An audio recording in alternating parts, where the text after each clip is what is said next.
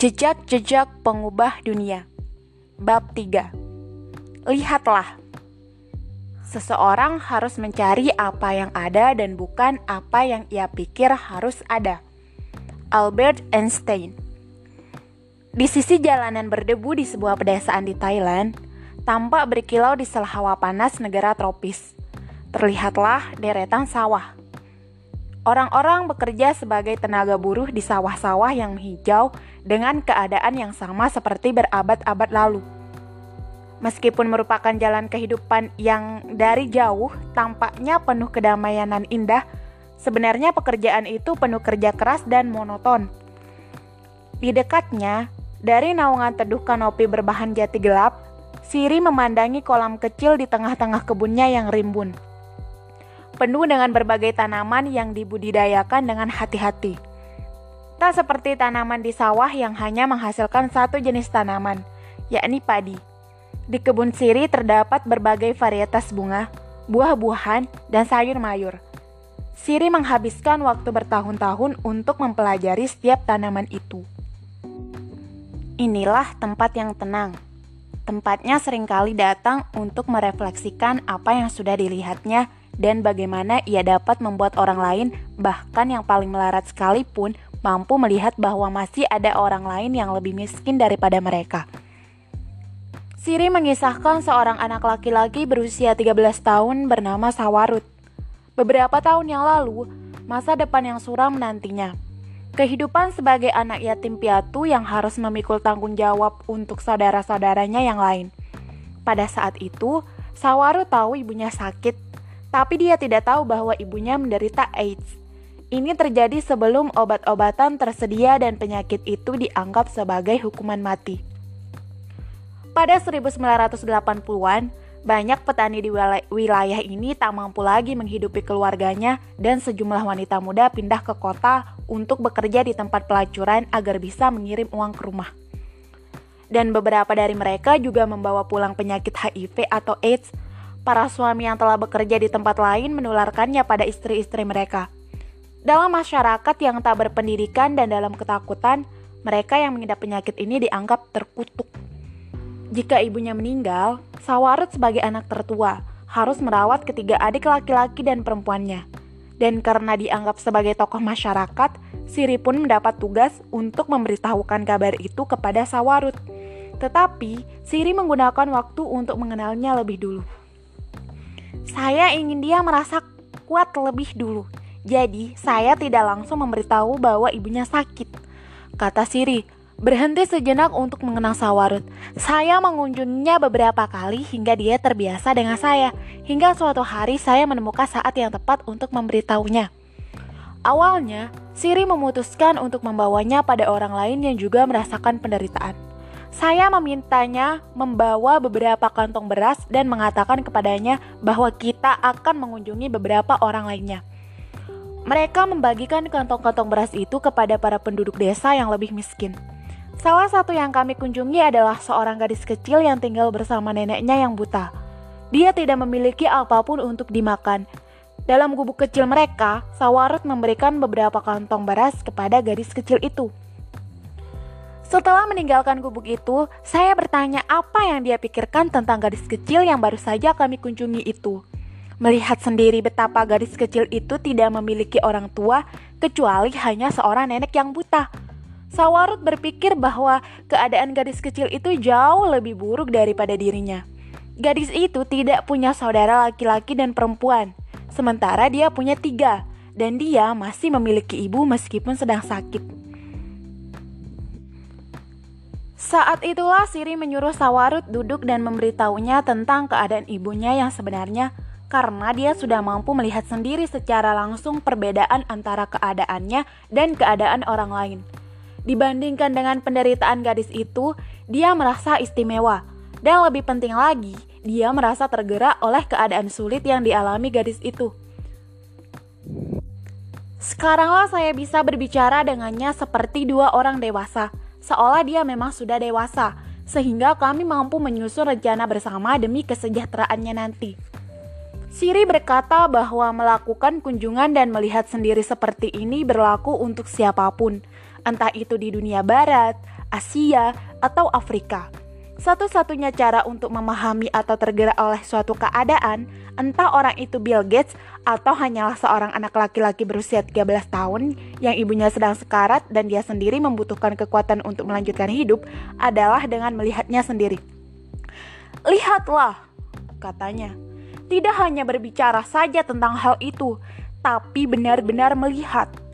Mungkin ada yang berpikir bahwa dengan membiarkan diri terpapar penderitaan, kemiskinan, dan berbagai penyakit. Sebagai contoh, seseorang mungkin akan mengalami depresi atau merasa putus asa melihat keadaan teman-teman lainnya. Tapi, gagasan Siri untuk melihat sebagai suatu pengalaman yang dapat membebaskan hati. Ternyata dikuatkan oleh kisah-kisah tentang pasangan yang memiliki peternakan di perkampungan kumuh. Arsitek di Australia, mantan pecandu heroin, dan bankir investasi di Cina. Masing-masing orang ini memiliki jalan berbeda untuk melihat penderitaan orang lain. Suatu jalan yang dapat terjadi secara kebetulan, lalu membiarkan diri terbuka terhadap masalah itu, ikut menjalani penderitaan orang tersebut, atau benar-benar berniat menemukan penderitaan itu. Kejadian secara kebetulan dan secara harfiah benar-benar memegang tanduk sapi jantan atau seekor lembu. Itulah yang dialami sendiri oleh Will dan Flor di Belanda.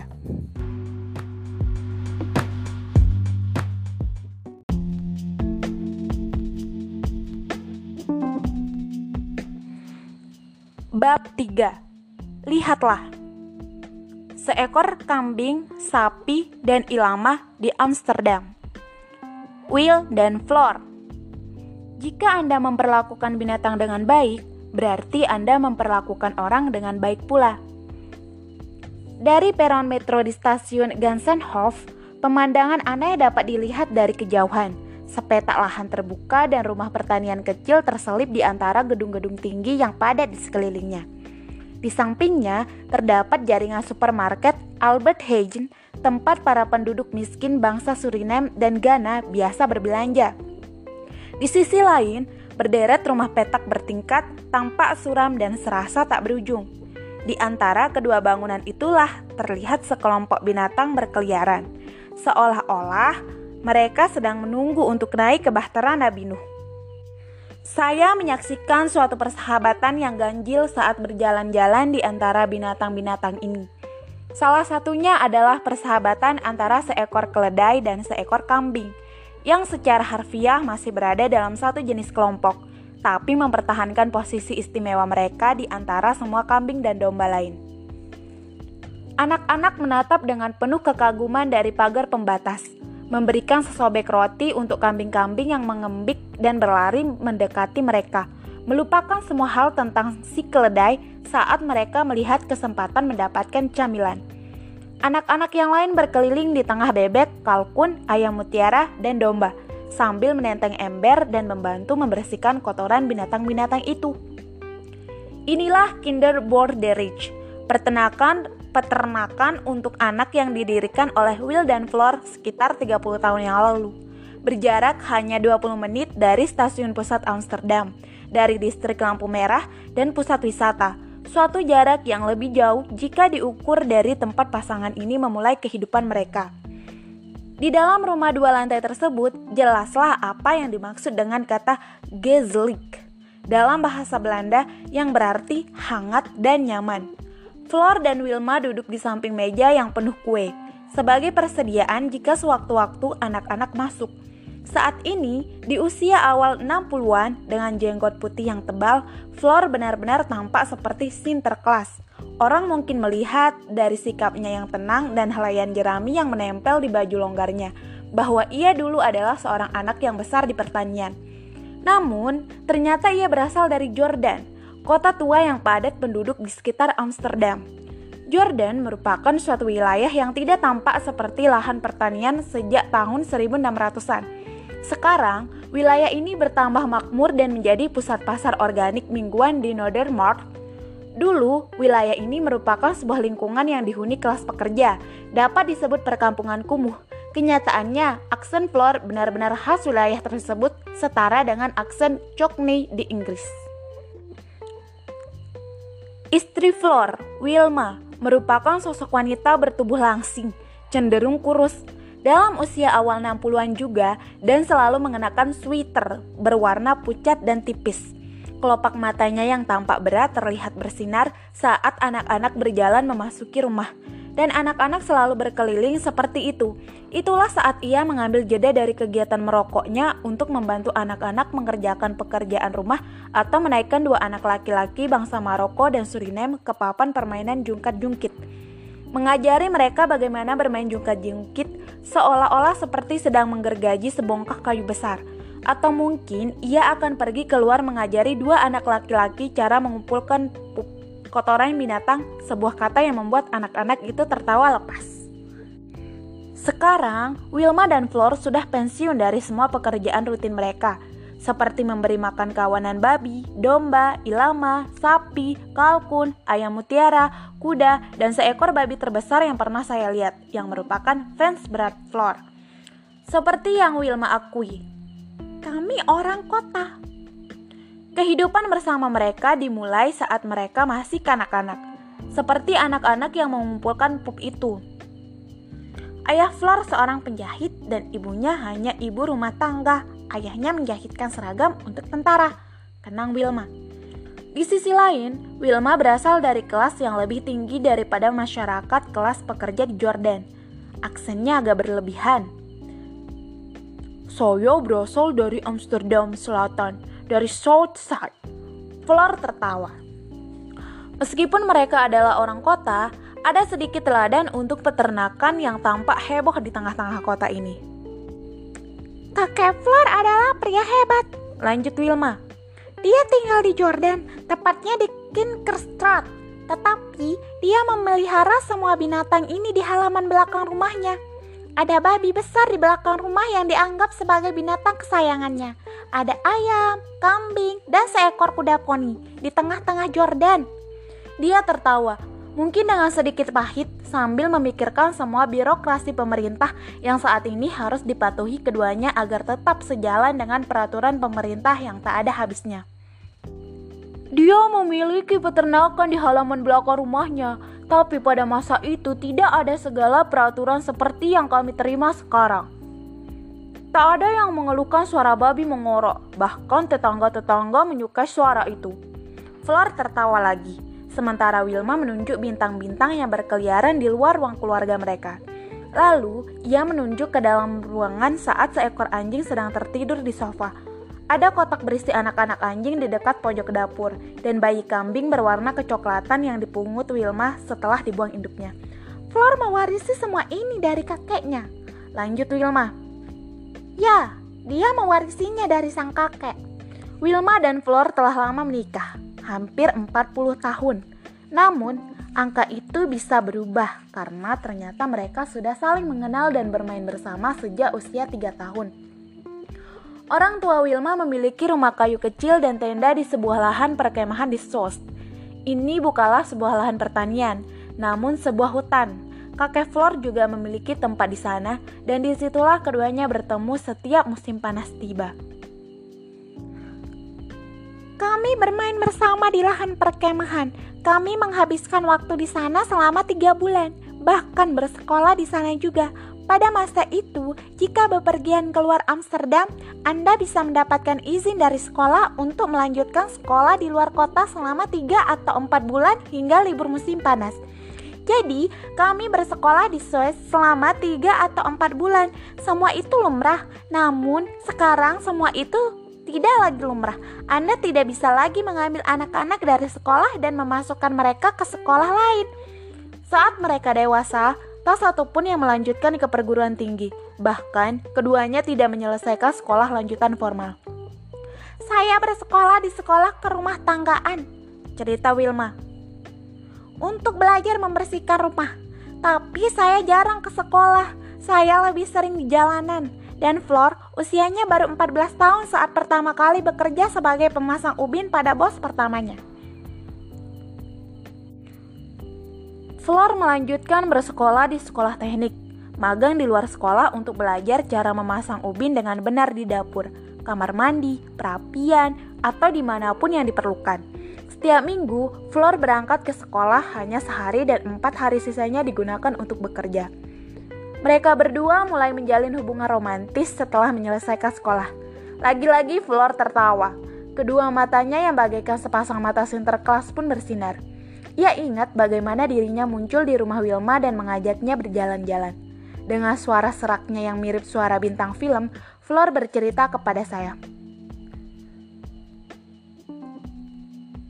Saya bertanya, maukah kamu naik sepeda motorku? Namun, Wilma berasal dari... Flor sekarang meniru aksen Inggris Wilma yang kental, The Southern Bird. Ayahnya tidak menyukai Flor. Bagaimanapun juga, Flor berasal dari Jordan. Dan jika hari ini Wilma ditanya apakah ia menyukai Flor, ia akan menjawab terus terang. Tidak, tapi dia punya sepeda motor besar.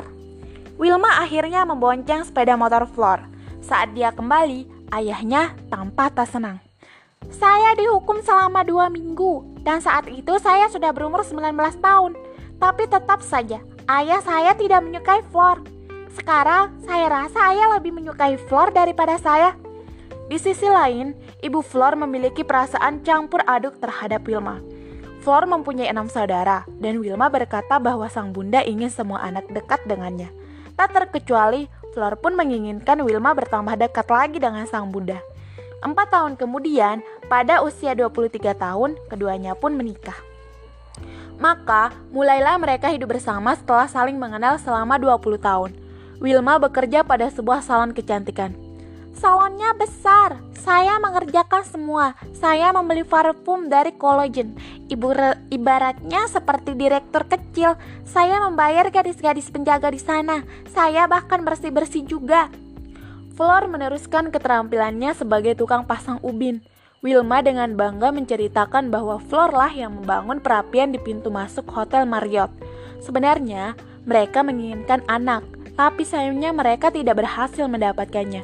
Namun demikian, mereka tetap menikmati kebersamaan yang ada di dalam apartemen mereka di dekat The Peach dan melakukan perjalanan menggunakan sepeda motor yang sudah kondang itu, berkeliling seputar Belanda, bahkan ke Prancis atau Jerman. Kehidupan mereka mungkin akan berlangsung layaknya kehidupan pasangan kelas pekerja yang biasa terdapat di Amsterdam. Namun, secara kebetulan, pekerjaanlah yang membawa Flor hingga ke Bijlmer. Lingkungan di sebuah tenggara kota tua ini awalnya dirancang sebagai lingkungan semi perkotaan untuk para kelas menengah dengan kompleks modern yang mirip gedung-gedung tinggi di tengah-tengah lapangan hijau yang luas. Tetapi, saat mulai dikembangkan pada akhir tahun 1960-an, area tersebut malah kehilangan daya tarik bagi para calon pembelinya. Dengan keadaan yang kosong seperti itu, area tersebut akhirnya digunakan untuk tempat tinggal masyarakat kulit hitam yang berimigrasi dari Suriname, yang mendapatkan kemerdekaannya dari Belanda pada tahun 1975. Dengan cepat, tempat itu berubah menjadi perkampungan kumuh yang sangat padat, mirip proyek perumahan di area perkotaan Amerika dan Inggris. Seperti daerah-daerah tersebut, pada tahun 1970-an, masyarakat miskin dengan kondisi Bijlmer yang padat memunculkan berbagai tindak kejahatan, khususnya yang berkenaan dengan obat-obatan terlarang. Pada masa itu, Flor mengerjakan beberapa apartemen yang sedang disempurnakan untuk para pendatang baru. Banyak di antara apartemen itu yang dihuni banyak orang, melebihi jumlah yang sudah ditentukan, termasuk para penduduk yang tidak tercatat dan para imigran gelap. Tetapi di sela-sela jam makan siang, saat ia bisa pergi mengelilingi lingkungan tersebut dengan bebas, Flor sering mengobrol dan berteman dengan anak-anak pendatang. Sebagai pria kota dengan kakek yang mempunyai seekor babi kesayangan, ia terkejut saat menemukan bahwa anak-anak Suriname yang berasal dari keluarga tradisional pedesaan bahkan tidak pernah tahu bentuk seekor ayam satu-satunya ayam yang mereka tahu adalah ayam supermarket dalam kemasan atau paha ayam goreng dari kedai pojok. Hingga hari ini, Flor mengaku bahwa ia tidak pernah sekalipun bermimpi akan mengikuti jejak sang kakek atau bahkan melebihinya. Semua ini terjadi begitu saja. Saya berumur 30 tahun saat sedang mengerjakan proyek perumahan itu. Dan saya melihat anak-anak tidak memiliki apa pun di Suriname, mereka mungkin bisa memiliki seekor kambing atau ayam di bidang tanah milik mereka sendiri. Tapi, begitu tiba di sana, mereka tak punya apa-apa, hanya tumbuhan bahkan tak ada binatang. Flor pulang ke rumah setiap petang. Benaknya terganggu dengan apa yang ia saksikan. Anak-anak sudah dilepaskan dari budaya mereka dan pindah ke area di tengah perkotaan yang kosong. Mereka tak pernah meninggalkan daerahnya. Bahkan, sekadar untuk tamasya sehari saja melihat keindahan kanal-kanal di kota tua Amsterdam atau menjelajah hutan. Seperti yang Wilma dan Flor alami di Soest tidak pernah mereka lakukan. Mereka tinggal di hutan beton dengan orang tua masing-masing yang merasa sudah keluar dari budaya dan harus bergantung sepenuhnya pada tunjangan pemerintah.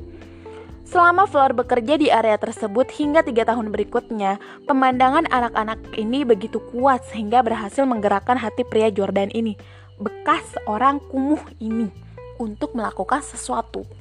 Hal pertama yang ia lakukan adalah sederhana saja – Flor membeli seekor ayam dan seekor kelinci, sehingga anak-anak itu paling tidak akan tahu seperti apa bentuk ayam yang asli dan bisa bermain dengan kelinci. Ia membangun sebuah kandang ayam kecil di sepetak lahan kecil yang tak terpakai di antara deretan bangunan dan kandang kecil untuk kelinci. Anak-anak itu terpaku menatap kedua binatang mungil itu. Mereka datang dan menatapnya berjam-jam lamanya serta bertanya kepada Flor berbagai pertanyaan yang seakan tak ada hentinya. Ketika mereka membicarakan kedua binatang itu, ia sadar bahwa anak-anak itu ternyata juga tidak pernah melihat kambing. Maka, Flor pun membeli seekor kambing. Kambing dan ayam yang pertama kali saya beli ini hanyalah untuk menyenangkan mereka, kata Will. Dia telah bekerja di perumahan itu selama tiga tahun, jadi tentu saja dia mengenal semua anak dengan baik. Pekerja lain juga mengenal mereka. Rekan-rekan kerja Florlah yang membantunya memagari daerah itu untuk kandang kambing. Meskipun Wilma mendukung sang suami, ia mengakui, "Saya pikir benaknya sedikit gila, tapi dia tak dapat menghentikannya." Dia melihat anak-anak itu tertarik dengan segala hal tentang binatang. Setiap kali anak-anak berangkat ke sekolah, mereka selalu mampir dan menyampatkan diri melongok ke dalam kandang ayam terlebih dahulu. Tetapi pada kunjungan berikutnya, mereka bertanya kepada Flor, "Bolehkah saya memberi makan binatang-binatang itu?" Dan kemudian, pelan-pelan, pelan-pelan, pelan-pelan, mereka ingin bermain dengan kambing itu. Dan orang-orang dewasa warga Suriname itu akhirnya makin merasa seperti di rumah. Lalu, terjadilah hal kebetulan lain. Flor mengalami cedera punggung serius. Meskipun menerima, tun menerima tunjangan atas cederanya itu, ia tidak dapat bekerja lagi. Sedikit demi sedikit, apa yang awalnya dibangun hanya sebagai sebuah kesenangan kecil dengan sekawanan binatang-binatang, kini menjadi pekerjaan full time. Flor terus datang dan datang ke sepetak tanah kecil itu. Dia harus menjalani dua kali operasi untuk punggungnya, kenang Wilma.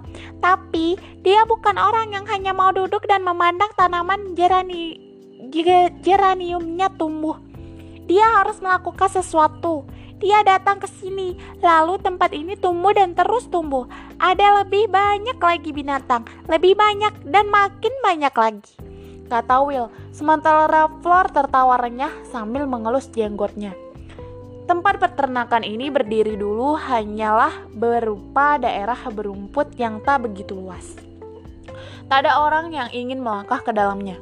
Maka Flor menambahkan pintu dan pagar di sekelilingnya untuk si kambing dan kemudian si domba. Kedua pasangan itu tertawa saat mereka teringat bagaimana anak-anak itu terus memanggil si kambing dengan sebutan sapi karena kulitnya belang-belang hitam putih.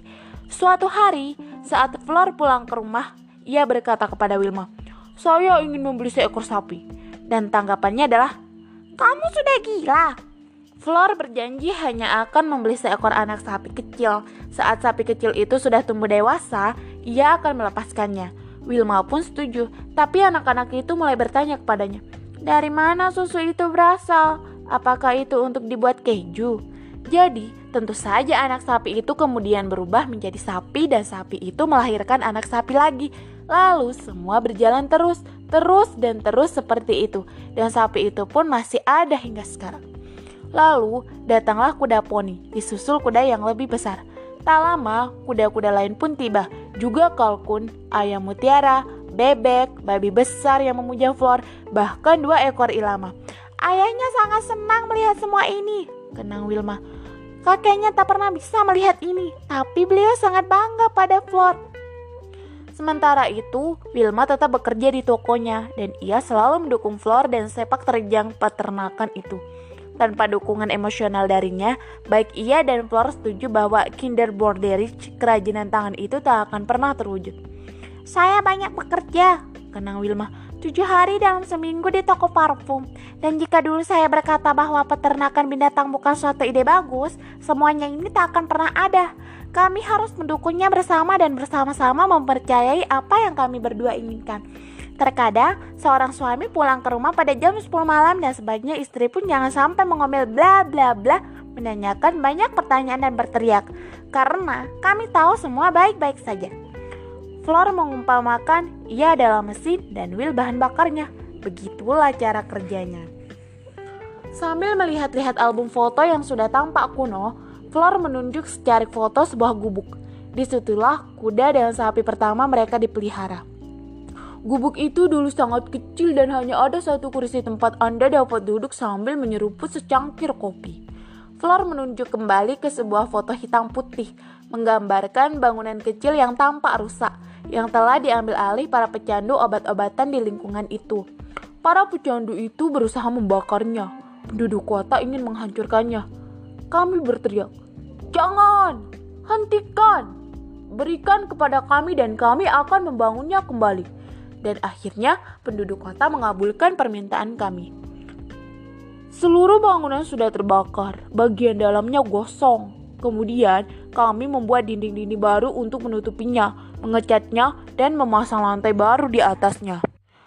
Flor tersenyum saat menceritakan kembali bagaimana para pecandu itu juga ikut membantu membangunnya kembali. Seiring berjalannya waktu, Wilma dan Flor membangun gubuk demi gubuk di lahan tersebut. Dan akhirnya, rumah dua lantai pun berhasil dibangun sebagai tempat tinggal mereka selama tahun-tahun berikutnya. Wilma meninggalkan pekerjaannya dan mereka pun pindah dari apartemen ke pusat kota. Sekarang, sebagai seorang imigran juga, mereka menjadi bagian dari masyarakat yang menjadi batu sandungan terbesar dan hanya sementara tampaknya berasal dari pemerintah kota itu sendiri. Akhirnya, setelah memperhatikan kegiatan mereka berdua, pemerintah mengirimkan seorang dewan penasehat lokal untuk bertanya kepada mereka apa yang sebenarnya sedang mereka lakukan membangun peternakan di lahan publik, mereka bahkan tidak sempat bertanya. Akhirnya, dengan dukungan masyarakat yang menuntut agar peternakan serta Will dan Flor tetap ada, mereka membuat kesepakatan dengan pemerintah. Mereka akan membayar sewa 1 euro per tahun. Namun, seperti yang Flor tekankan, begitulah di Belanda. Mereka benar-benar harus membayar 1 euro pada tanggal jatuh tempo setiap tahun atau tidak sama sekali. Mereka melanjutkan mengembangkan peternakan dari generasi demi generasi anak-anak yang datang silih berganti dan belajar menyayangi binatang. Bahkan, mereka yang semula takut pun akhirnya sering datang. Sebagai contoh, ada beberapa anak di sini yang sangat takut pada anjing. Kata Wilma, mereka berteriak. Kami berusaha mengajak anak-anak itu mendekati si anjing dan menyentuhnya. Dan begitu rasa takut dalam diri anak-anak itu sirna, berarti Anda telah memenangkan sesuatu. Kami memiliki teman yang mempunyai seorang anak laki-laki cacat.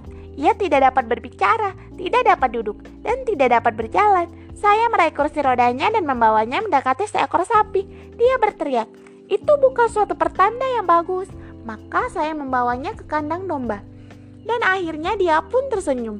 Lalu kami membawanya masuk ke rumah dan membiarkannya melihat kawanan anjing.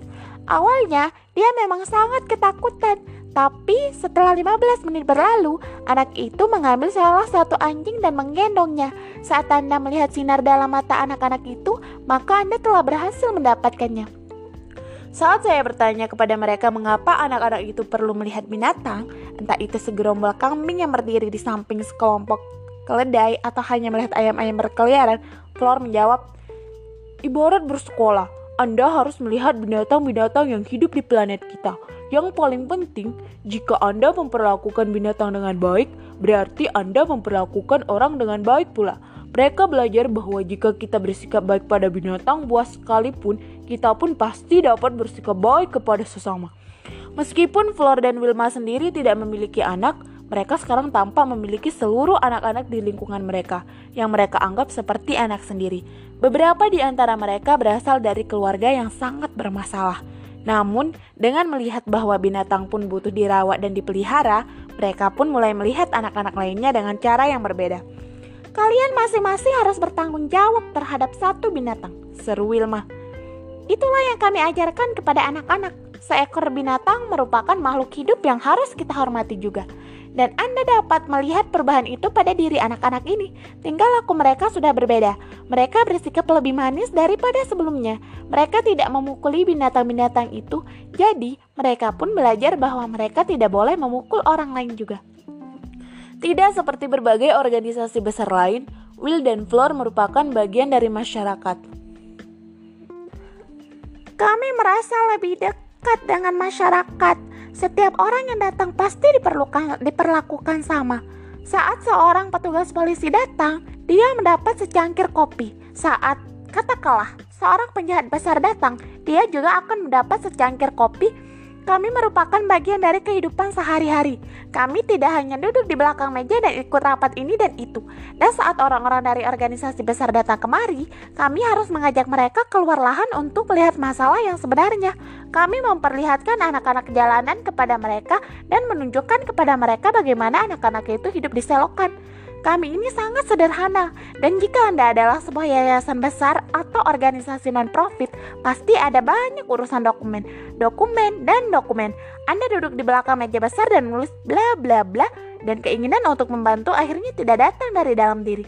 Padahal, keinginan itu harus datang dari hati Anda sendiri, dari orang-orang gila seperti saya dan Flor yang bersedia melakukannya. Sekarang, kehidupan mereka berdua sudah jauh berbeda dibandingkan saat pertama kali mereka bersama. Wilma di toko kecantikan dan Flor bekerja sebagai tukang pasang ubin, dan mereka berdua juga banyak berkorban.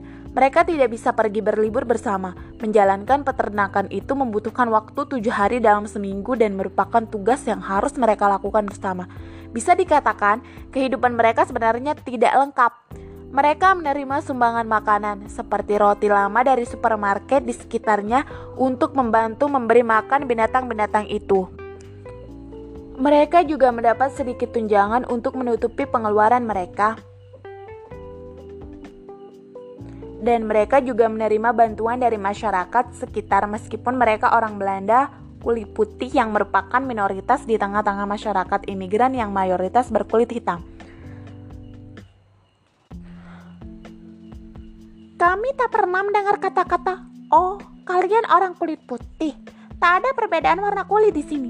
Dari balik gerbang, peternakan ini ibarat sebuah negara dan desa yang istimewa. Siapa pun yang datang kemari adalah sederajat, entah itu orang Suriname, Inggris, berkulit hitam, atau kuning. Semua sama.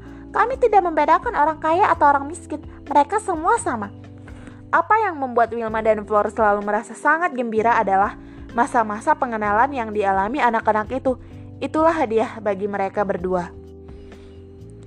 Anda dapat melihat anak-anak menyukainya dan ingin menyentuh binatang-binatang itu. Itulah alasan mengapa kami melakukan ini semua. Untuk melihat senyum di wajah anak-anak itu yang akhirnya yakin bahwa mereka dapat benar-benar menyentuh seekor anjing atau memegang seekor sapi. Will menekankan dengan penuh kekaguman bahwa Flor tak pernah berpikir dua kali untuk mewujudkan ini semua, dan semua ini benar-benar muncul dari hatinya yang paling dalam.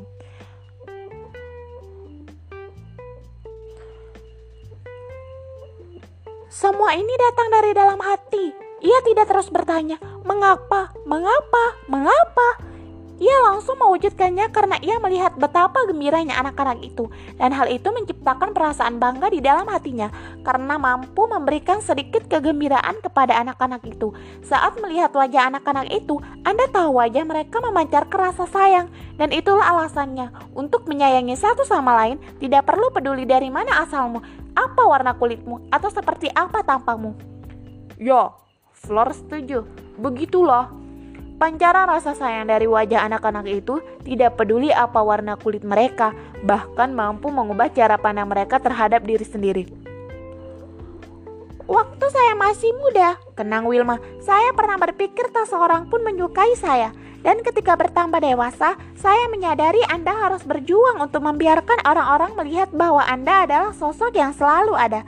Saya Will, dan semua terletak pada pikiran Anda yang harus Anda ubah. Sekarang, saya makin menjadi diri saya apa adanya dibandingkan 20 tahun lalu. Waktu saya masih bekerja, saya harus mewarnai kuku saya. Saya selalu berpenampilan sangat rapi dan cantik. Tapi, sekarang saya harus benar-benar bekerja. Tak ada lagi tangan-tangan cantik berkuku lentik dan riasan wajah. Riasan wajah hanyalah sebuah topeng sebuah penutup untuk membuat wajah Anda lebih cantik dari aslinya. Jika wajah Anda tidak cantik, Anda dapat memoles wajah Anda dengan apa pun, tapi Anda tetaplah orang yang sama. Mengapa? Karena sesuatu yang paling cantik datang dari dalam hati. 30 tahun berlalu, Will dan Flor sekarang memasuki masa pensiun dan mereka sedang dalam usaha untuk mewujudkan peternakan yang sebenarnya di Jerman. Di satu sisi, hal ini menjadi kabar sedih, tetapi mereka bertekad untuk menjaga Kinderborderich dan visi mereka agar tetap berlangsung dan utuh. Masyarakat lokal pun setuju dan para pemimpin badan usaha juga mulai melihat nilai peternakan itu dalam menciptakan masyarakat yang lebih baik. Sekarang, selama 30 tahun peternakan ini berdiri, ada orang-orang dewasa yang dulu adalah sosok anak-anak yang sering berkunjung ke peternakan ini dan mereka menghargai arti kebaikan sejati dari dalam hati yang diajarkan Will dan Flor. Beberapa di antara mereka sering membawa anak-anak mereka berkunjung ke peternakan ini. Mereka mungkin tidak tahu bahwa jika Flor tidak secara kebetulan mendapat pekerjaan di area tersebut dan melihat betapa anak-anak ingin melihat binatang-binatang, bahkan seekor ilama yang meludahi mereka setiap kali mereka melewatinya, maka Kinderborderich mungkin tak akan pernah ada. Semua anak serta orang dewasa itu mungkin tak akan pernah belajar apa yang Flor pelajari dari sang kakek dan binatang-binatang kesayangannya bahwa jika seseorang bersikap baik terhadap binatang buas sekalipun, ia pasti dapat bersikap baik kepada sesama manusia.